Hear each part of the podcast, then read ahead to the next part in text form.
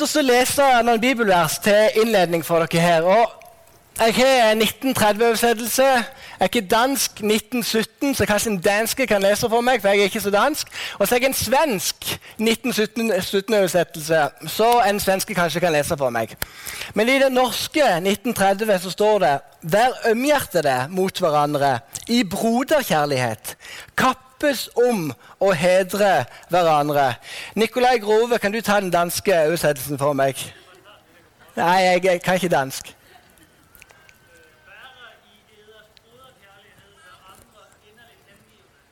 Åh, det er Veldig fin med dansk. Kan vi få den på svensk?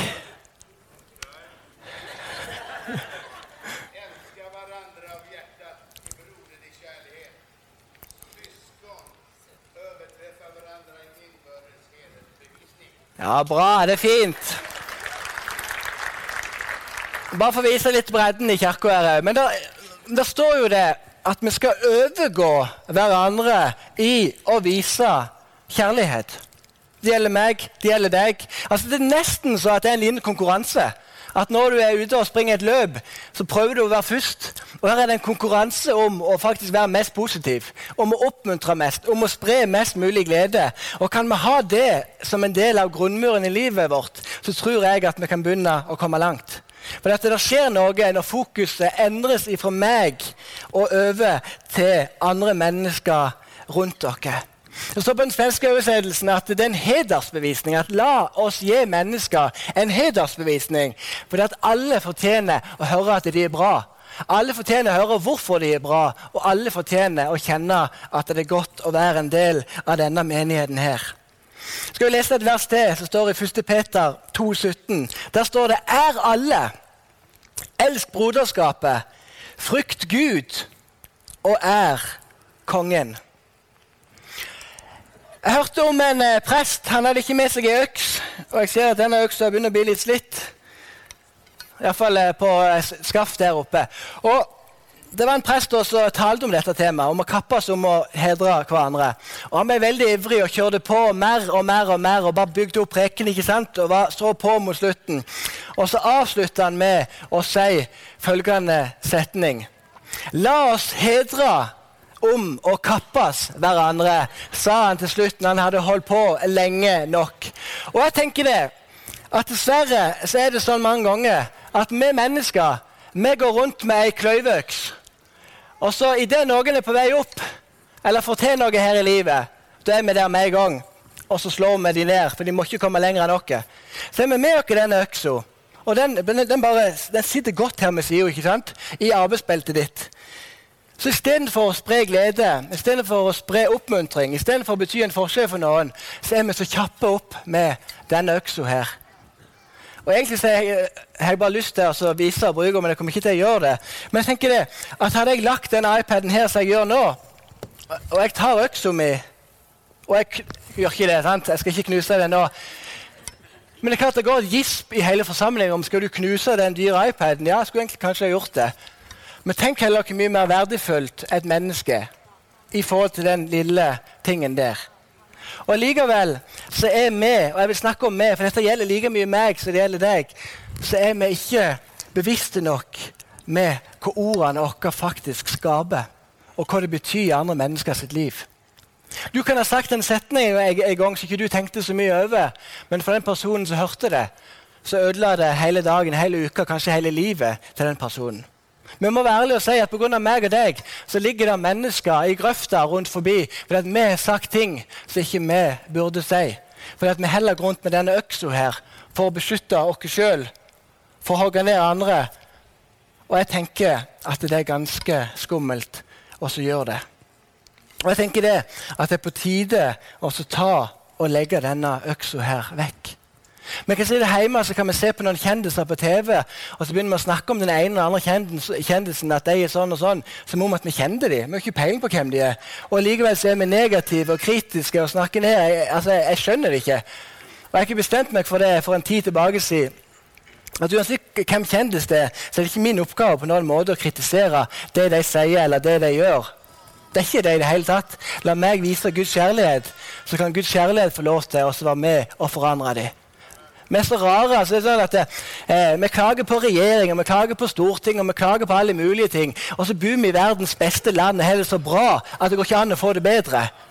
Vi betaler for mye skatt, og spør du meg, så betaler vi altfor lite skatt. Jeg var så overrasket over hvor lite skatt jeg betalte at jeg måtte ha en egen tur inn til Jostein på kontoret og spørre stemmer det at jeg skal betale så lite skatt. Og han sier ja, det gjør det. Ok, sier jeg. Det er jo en skandale. Jeg kunne lett ha betalt 10% mer. Altså, jeg, det er ikke, dette er ikke noe politisk, men det er bare for å sette ting i perspektiv. At vi har det så bra. Vi har så mange grunner til å oppmuntre, vi har så mange grunner til å spre glede og bety en forskjell for andre mennesker. Så min utfordring til deg og meg er jo at la oss kaste denne øksa her. La oss legge den vekk, sånn at ikke den ser med og styrer livet vårt. Jeg skal lese noen vers til for dere. I Jakob 3, 5, og så noen vers til. Slik er det også med tungen. Den er en liten kroppsdel, men den kan skryte av sin store makt. Ja, en liten ild kan sette den største skog i brann. Også tungen er en ild. En verden av ondskap blant våre lemmer. altså Dette er negativt, men det bygger seg opp. altså. Det er Bibelen. det bygger seg opp. Den smitter hele kroppen og setter giftshjulet i brann. Og selv blir den satt i brann av helvete. Men nå snur det her. Med den lovpriser vi vår Herre og Far, og med den forbanner vi menneskene som er skapt i Guds bilde. Fra samme munn kommer det både lovprisning og forbannelse. Slik må det ikke være, mine søsken. Det er så mye makt i vår tunge og i våre ord at hadde vi forstått det og visst det, så hadde vi vært enda mer bevisste på hvordan vi faktisk bruker tunga, hvordan vi sier ting. Og jeg husker da jeg var 11, nei, jeg tror jeg var 13 år gammel, så var det A-lagstreneren på fotballaget vårt i den tida. Han kom bort til meg så, så sa han til meg at Jonny, du hadde sikkert vært en fin gutt hvis det ikke hadde vært for den store kjeften din. Og det er ikke så positivt å høre, sant? Men når han sa det, så begynte jeg å tenke ja, Kanskje jeg ikke sprer så mye, kanskje jeg er litt frekk. Og når jeg begynte å se over ting, så merka jeg jo at ja, Jonny, du, du, var veldig frekk. Og vennegjengen min var veldig frekke mot hverandre. For det, for det var den måten som vi snakket på. Istedenfor å oppmuntre hverandre, så snakket vi heller ned hverandre. Og det var sjargongen, og det var måten som vi prata på i den gruppa. Og blir vi ikke bevisste på dette, blir vi ikke bevisste på språket som vi bruker, så vil vi spre mye elendighet rundt dere. For det er faktisk et valg som de tingene her handler om. Jeg skal fortelle dere en helt sann historie som kommer til å vekke noe i deg. På Sunnmøre for mange år siden så var det en lokal prest som hadde vært der i flere år. Hver søndag så kom den faste gjengen til han. Det var mellom 10 og 20 personer. Og De var trofaste. De møtte opp, og han prekte. og og ga gjerne, men han ble mer og mer frustrert fordi at ingen tok imot Jesus. Det skjedde ingenting. Og han tenkte oh, i alle dager, han bedde til Gud. Og så til slutt så fikk han en god idé. Jeg skal invitere en sangevangelist. Og for du som er over 40, kanskje 50, så er det rett og slett, eh, går du tilbake noen år, så var det en som reiste rundt i menigheten. Han kunne spille gitar, han kunne synge og han kunne preke samtidig. Så han kombinerte de tingene der. Og så tok mange mennesker imot Jesus pga. det som han gjorde. Du kan google Åge Samuelsen hvis du vil ha noen eksempler på hva en sangevangelist kan være. Og Sangevangelisten han kom opp, i, eh, opp til den kirka, begynte å preke, begynte å synge. Og med en gang han kom der, så begynte det å skje ting. Vi kristne vil kalle det for en vekkelse. og Hvis ikke du vet hva det betyr, så, det, så betyr det at flere mennesker tar imot Jesus på en gang over en lengre periode. Det er en vekkelse. Og Han begynte å preke mye og sto på for Jesus. Og flere og flere kom på møte. Og I løpet av bare få uker så var møtesalen stappfull av mennesker fordi at de merka at her var Gud, og Gud gjorde så mye. Det som plutselig skjedde, var at presten begynte å bli sjalu. Han ble sjalu på den forkynneren som var der framme, fordi at han kunne tale på en annen måte, han kunne synge på en annen måte. Han møtte mennesker på en helt annen måte enn det han kunne gjøre. Derfor ble han så sjalu. Et par dager seinere går han til menighetsteamet sitt, til lederrådet i menigheten, og så, og så forteller han et rykte om denne sangevangelisten som ikke er sant. Og Jeg vet ikke helt hva ryktet handla om, men, men ryktet var så alvorlig og så grovt at når ryktet gikk fra det lederteamet og utover til folkene i denne bygda, så gikk det ikke mange dager før alle slutta å komme på møtene hans. Sangevangelisten måtte reise hjem fordi det var ingen som ville ha noe med han å gjøre. Mange år seinere ligger denne sangevangelisten i senga si på et loftrom og holder på å dø. Presten i denne bygda får på en eller annen måte vite at den evangelisten som hadde vært der for mange år siden, at han lå for døden, og han merka med seg sjøl at pga. hans samvittighet så måtte han gjøre noe. Så han reiste ned og besøkte denne evangelisten. og Så kom han inn på rommet hans og så sier han at du, for mange år siden så var du i min bygd på Sunnmøre, og du holdt vekkelsesmøter. Og så begynte det å gå noen rykter. Det var jeg som delte de ryktene og spredde de ryktene til menneskene rundt meg. Og han Sangevangelisten som lå i senga, blir jo selvfølgelig helt sjokkert over at presten kunne gjøre akkurat det. Så han sier det, og så spør presten videre kan du tilgi meg. Så sier sangevangelisten at ja, selvfølgelig kan jeg tilgi deg. Men jeg har ikke lyst til at du skal gjøre en ting for meg. Jeg vil at du skal hente den puta som ligger der. Så skal du ta den puta bort til et vindu. Og så skal du ta ei saks så skal du klippe opp den puta, og det gjorde han. Det blåste godt ute den dagen der. Og så vil jeg at du skal slippe ut alt dunet som ligger inni puta, sånn at det blåser med vinden. Og Presten syntes dette var veldig rart, men tenkte at ok, la meg, la meg gjøre det. Så han gikk bort til vinduet, klipte opp puta og slapp ut alle fjærene som lå der. Og Så sier sangen evangelisten til henne at nå vil jeg at du skal prøve å samle sammen alle fjærene som forsvant når du åpner opp puta. Så sier, der, eller, så sier presten der men det er jo helt totalt umulig å gjøre det.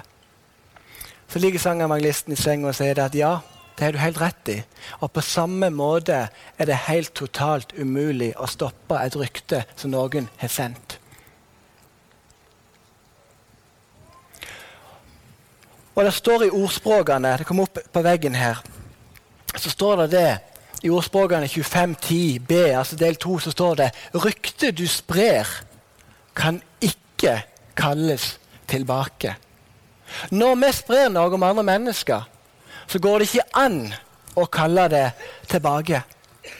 Det er mennesker som står på for Gud hele livet, og så kommer det et rykte kanskje på slutten av tjenesten som ikke er sant engang, men det er det ryktet de, de vil bli huska på.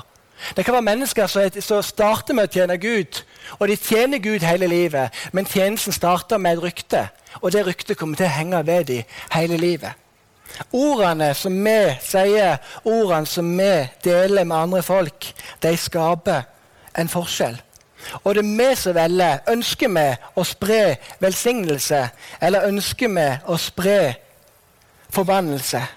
Og jeg tror at jeg må, og du må, jobbe med måten som vi sprer positive ord på til andre mennesker.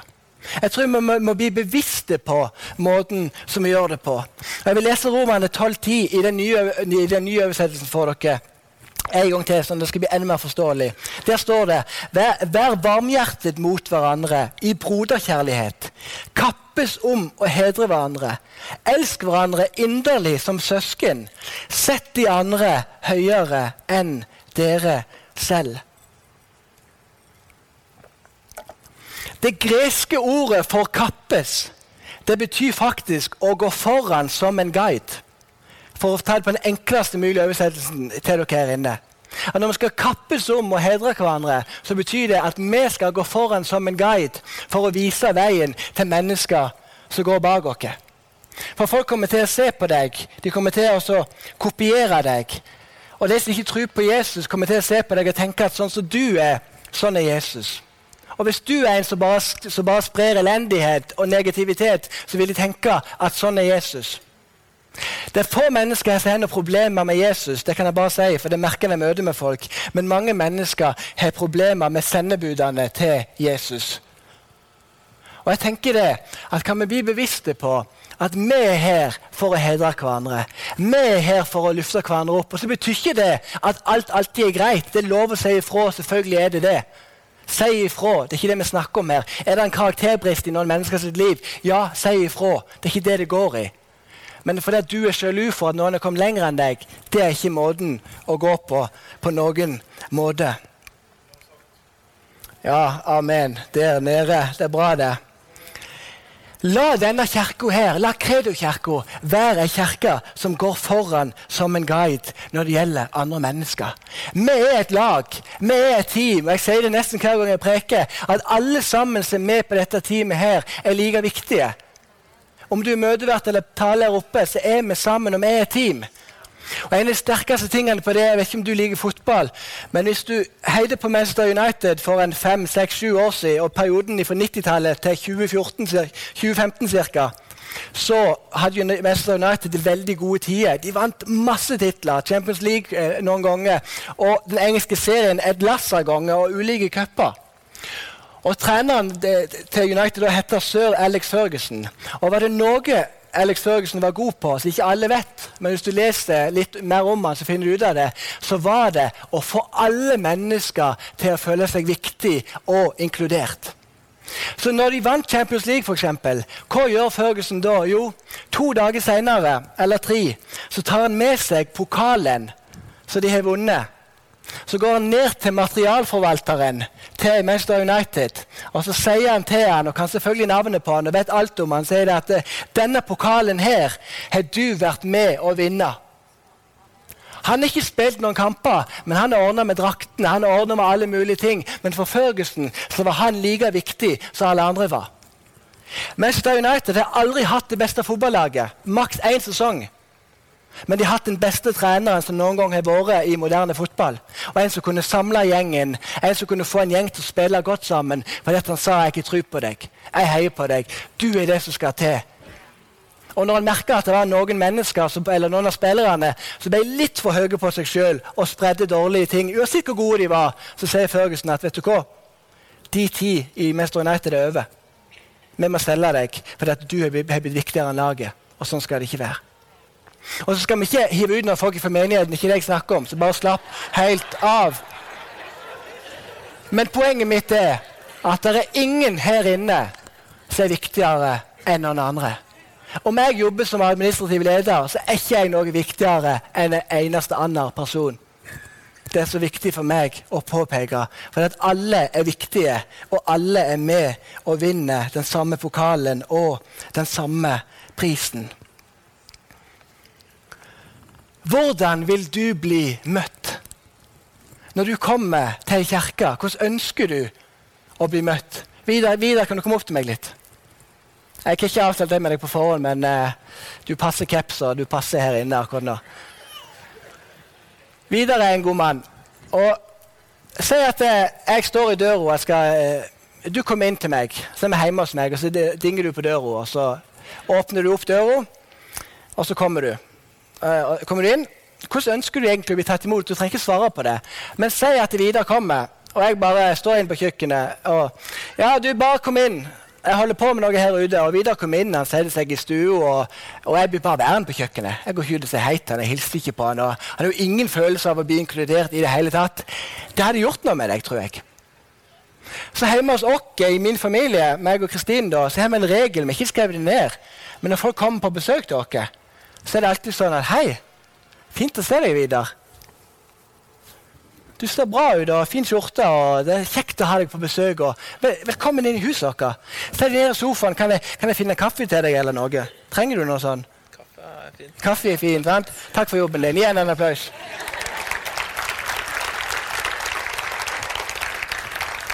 Poenget mitt er at vi trenger en bevissthet til vi på den måten hvordan møter vi andre mennesker. Når du kommer en plass og du dinger på døra, og, og, de knapt ser på deg idet du skal gå inn i huset, det gjør noe med deg. Du kjenner at det er kaldt, du kjenner at det er en distanse. Derfor er vi veldig bevisste på hvordan vi møter mennesker. Og Jeg tenker, jeg synes det er litt, er litt, fantastisk, og jeg sier ikke dette for å skryte av meg sjøl, jeg må påpeke det, for det handler ikke om meg i det hele tatt. Men her den ene dagen så begynte vi å prate med lederne til Olivia i, i barnehagen. Og så sier de til dere at det er så skjønt med lille Olivia. For når hun kommer i barnehagen, det første hun gjør, er jo å gå rundt og hilse på alle barna som er der. Og så sier hun navnet til dem, og så gir hun dem en klem. Og Hvis hun er kommet litt tidligere enn noen andre, så er det sånn at idet den ungen kommer inn døra, så er Olivia den første til å springe bort og si navnet til Bo. eller hvem det skulle være. 'Hei, Bo!' Og så gir hun Bo en klem. Vi har aldri derfor ikke jeg skal ta en ære, vi har aldri sagt til Olivia at du må gjøre sånn. Men det er ikke det vi sier som skaper en forandring, men det er det vi gjør som skaper en forandring. Og jeg tror det at Olivia har sett hva mamma og pappa gjør. Hvordan mamma og pappa møter mennesker. Og så har hun tenkt at ja, når mamma og pappa gjør det, da må vi gjøre det sånn. Hvis du f.eks. er Gjert Ingebrigtsen, som banner veldig mye, og du sier til ungene dine du skal ikke banne og så kan du se på Team Ingebrigtsen, så banner han ekstremt mye. Jeg prøvde å se på den dag der Olivia var rundt meg, men det gikk jo ikke. Jeg måtte bare slå det av. Fordi det var så mye banning. sant? Det hadde aldri nytta for Gjert å si at du skal ikke banne når han banner så mye sjøl. Men hvis Gjert ikke hadde banna, da kunne han kunne for så vidt sagt det. Men ofte er det sånn at det er ikke det vi sier som skaper altså Vi tror mange ganger at ord har så mye makt, og ja, det har jo det. Men det som er enda mer makt, er jo eksempelets makt. At folk merker på oss at vi lever det livet som vi sier at vi lever. Jeg kan lære mine elever på substans veldig mye, og det gjør jeg. Men det er ikke det jeg er mest opptatt av. Jeg er heller en litt dårlig undervisning og bruker heller, heller litt ekstra tid på å gi dem en klem og møte dem. Så når elevene er hjemme hos meg, så de er av og til, så står jeg alltid i døra. Jeg klemmer hver eneste en av dem og, og sier noe positivt til dem. Og når de skal gå, så stiller jeg meg nok en gang i døra. Og så lar jeg ingen, ingen gå ifra der uten å få nok en klem og sier at du er bra. Jeg heier på deg. Gud tenker en plan for livet ditt. Altså det, de tingene der. Og Nok en gang vil jeg påpeke at dette handler ikke om meg og at jeg er så bra og at jeg vil sette meg sjøl i et godt lys. For det ønsker jeg ikke å gjøre. Men det handler om at du kan ta det samme valget som jeg har tatt. For det er det de gjør, går i. Jeg er ikke blitt sånn.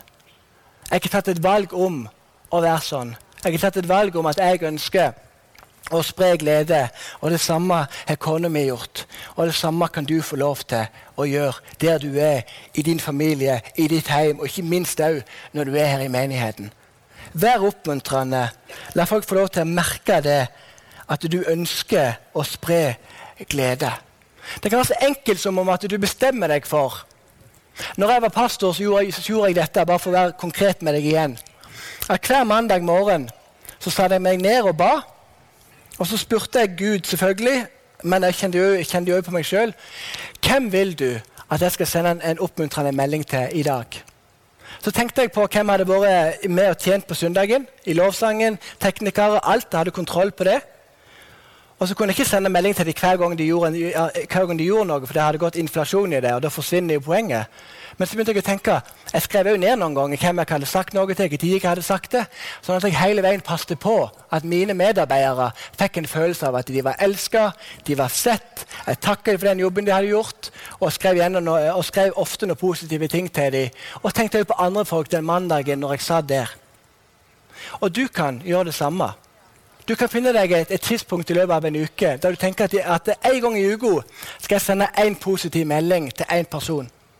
Og så tror jo jeg det at den meldingen vil bety en enorm forskjell for den personen som får nettopp den meldinga av deg. Men dette er et valg. Ikke sant? Og det er et valg som det som du må ta. Når var sist gang du kjøpte blomster til kona di? Jeg bare spør deg, ikke svar meg på det. Når var sist gang du så dypt inn i øynene til din ektefelle og sa at du elsker han eller hun, og ikke bare stoppa der, men du forteller hvorfor du elsker han eller hun? Når var sist gang du sa til en venn at du betyr så vanvittig mye for meg? Hadde det ikke vært for deg, så hadde jeg aldri vært der som jeg er i dag. Når var sist gang du takket noen i menigheten? Det kan være en møtevert for den jobben som de gjør her på søndagene når de deler ut møtekorga? Når var sist gang du gjorde det? Når var sist gang du av et oppriktig hjerte, ikke bare oppramsing, for det blir så fort oppramsing, med å takke Gud for alt. Men når var sist gang du uten oppramsing takker Gud for ulike ting i livet ditt? Jeg har lyst til å avslutte med en historie fra mitt eget liv.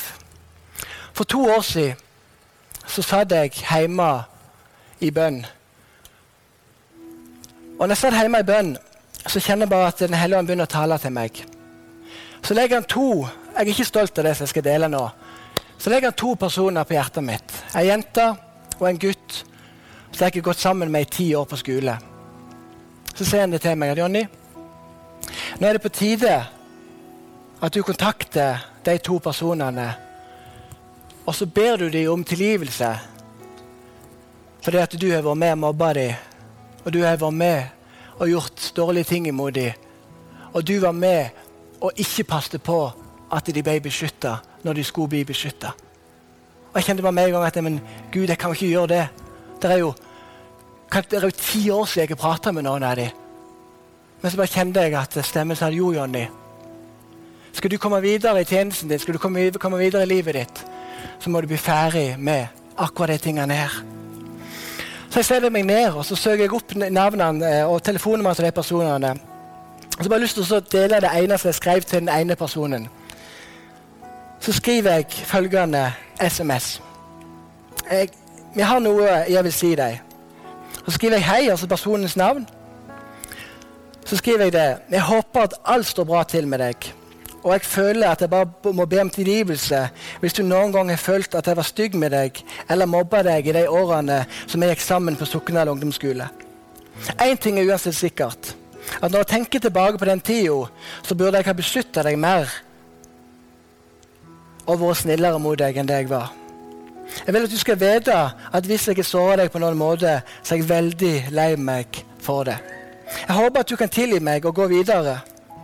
Det er rart med det, men vi tenker ikke at ting er feil og galt da. Men når årene går, så ser vi når vi blir voksne, at det var galt. Jeg håper du er lykkelig, og jeg ber for deg og ønsker deg alt godt i livet. Jonny, skrev jeg bak. Så får jeg svar. Jeg kan ikke lese hele svaret, for det blir for personlig, men jeg kan lese litt av svaret. Så får jeg svaret at eh, takk for unnskyldningen. Dette er ikke noe jeg hadde forventa fra noen. Jeg er ikke sint på noen, men jeg har slitt med dårlig selvtillit skole og jobb resten, eller helt fram til nå i livet, pga. ting som jeg opplevde på skolen, pga. ting som jeg opplevde i familien. Og tro meg, mitt hjerte altså, det bare Det knuses 100% Og jeg er så lei meg for Selvfølgelig var det mange som var mye verre enn meg, det er ikke det, men jeg er så lei meg for at pga. meg så er det mennesker som ligger i grøfta på ting jeg ikke har sagt, på ting jeg ikke har gjort. Og det er, det er, forferdelig. Og jeg tror mange kan kjenne på det samme her inne. At Pga. ting du har sagt, og pga. ting du har gjort, så ligger der mennesker i grøfta. Fordi at du har brukt denne øksa her til å slå ned i andre sitt liv. Til å være med å ødelegge andre sitt liv. Så vil jeg bare si til deg det at uh, Gud ser deg. Gud ser feilene du har gjort. Og Gud ønsker for det første å tilgi deg. Men jeg tror det at Gud taler konkret til noen her inne om noen personer som du må ta kontakt med. Om det er 40 år siden dette skjedde, eller om det er 5 år siden dette skjedde, det er ikke noe å si. Men det, med de personer som du kjenner i hjertet ditt at det, det dunker for, ta kontakt med dem og be om tilgivelse for det du har gjort, og for det du har sagt. Du kommer til å bli satt i frihet og de kommer til å bli satt i frihet. Jeg avslutter alltid min forkynnelse med, med, noe helt konkret. Og det konkrete som jeg avslutter med i dag, er det at ta kontakt med de personene som du kjenner i hjertet ditt. Og be til Gud hvis du ikke kjenner på noen akkurat nå, om å vise deg hvem er disse personene eller den personen som jeg skal ta kontakt med. Og så legger du stridsøksa eller øksa ned, og så sier du det til Gud at jeg ønsker å be om tilgivelse.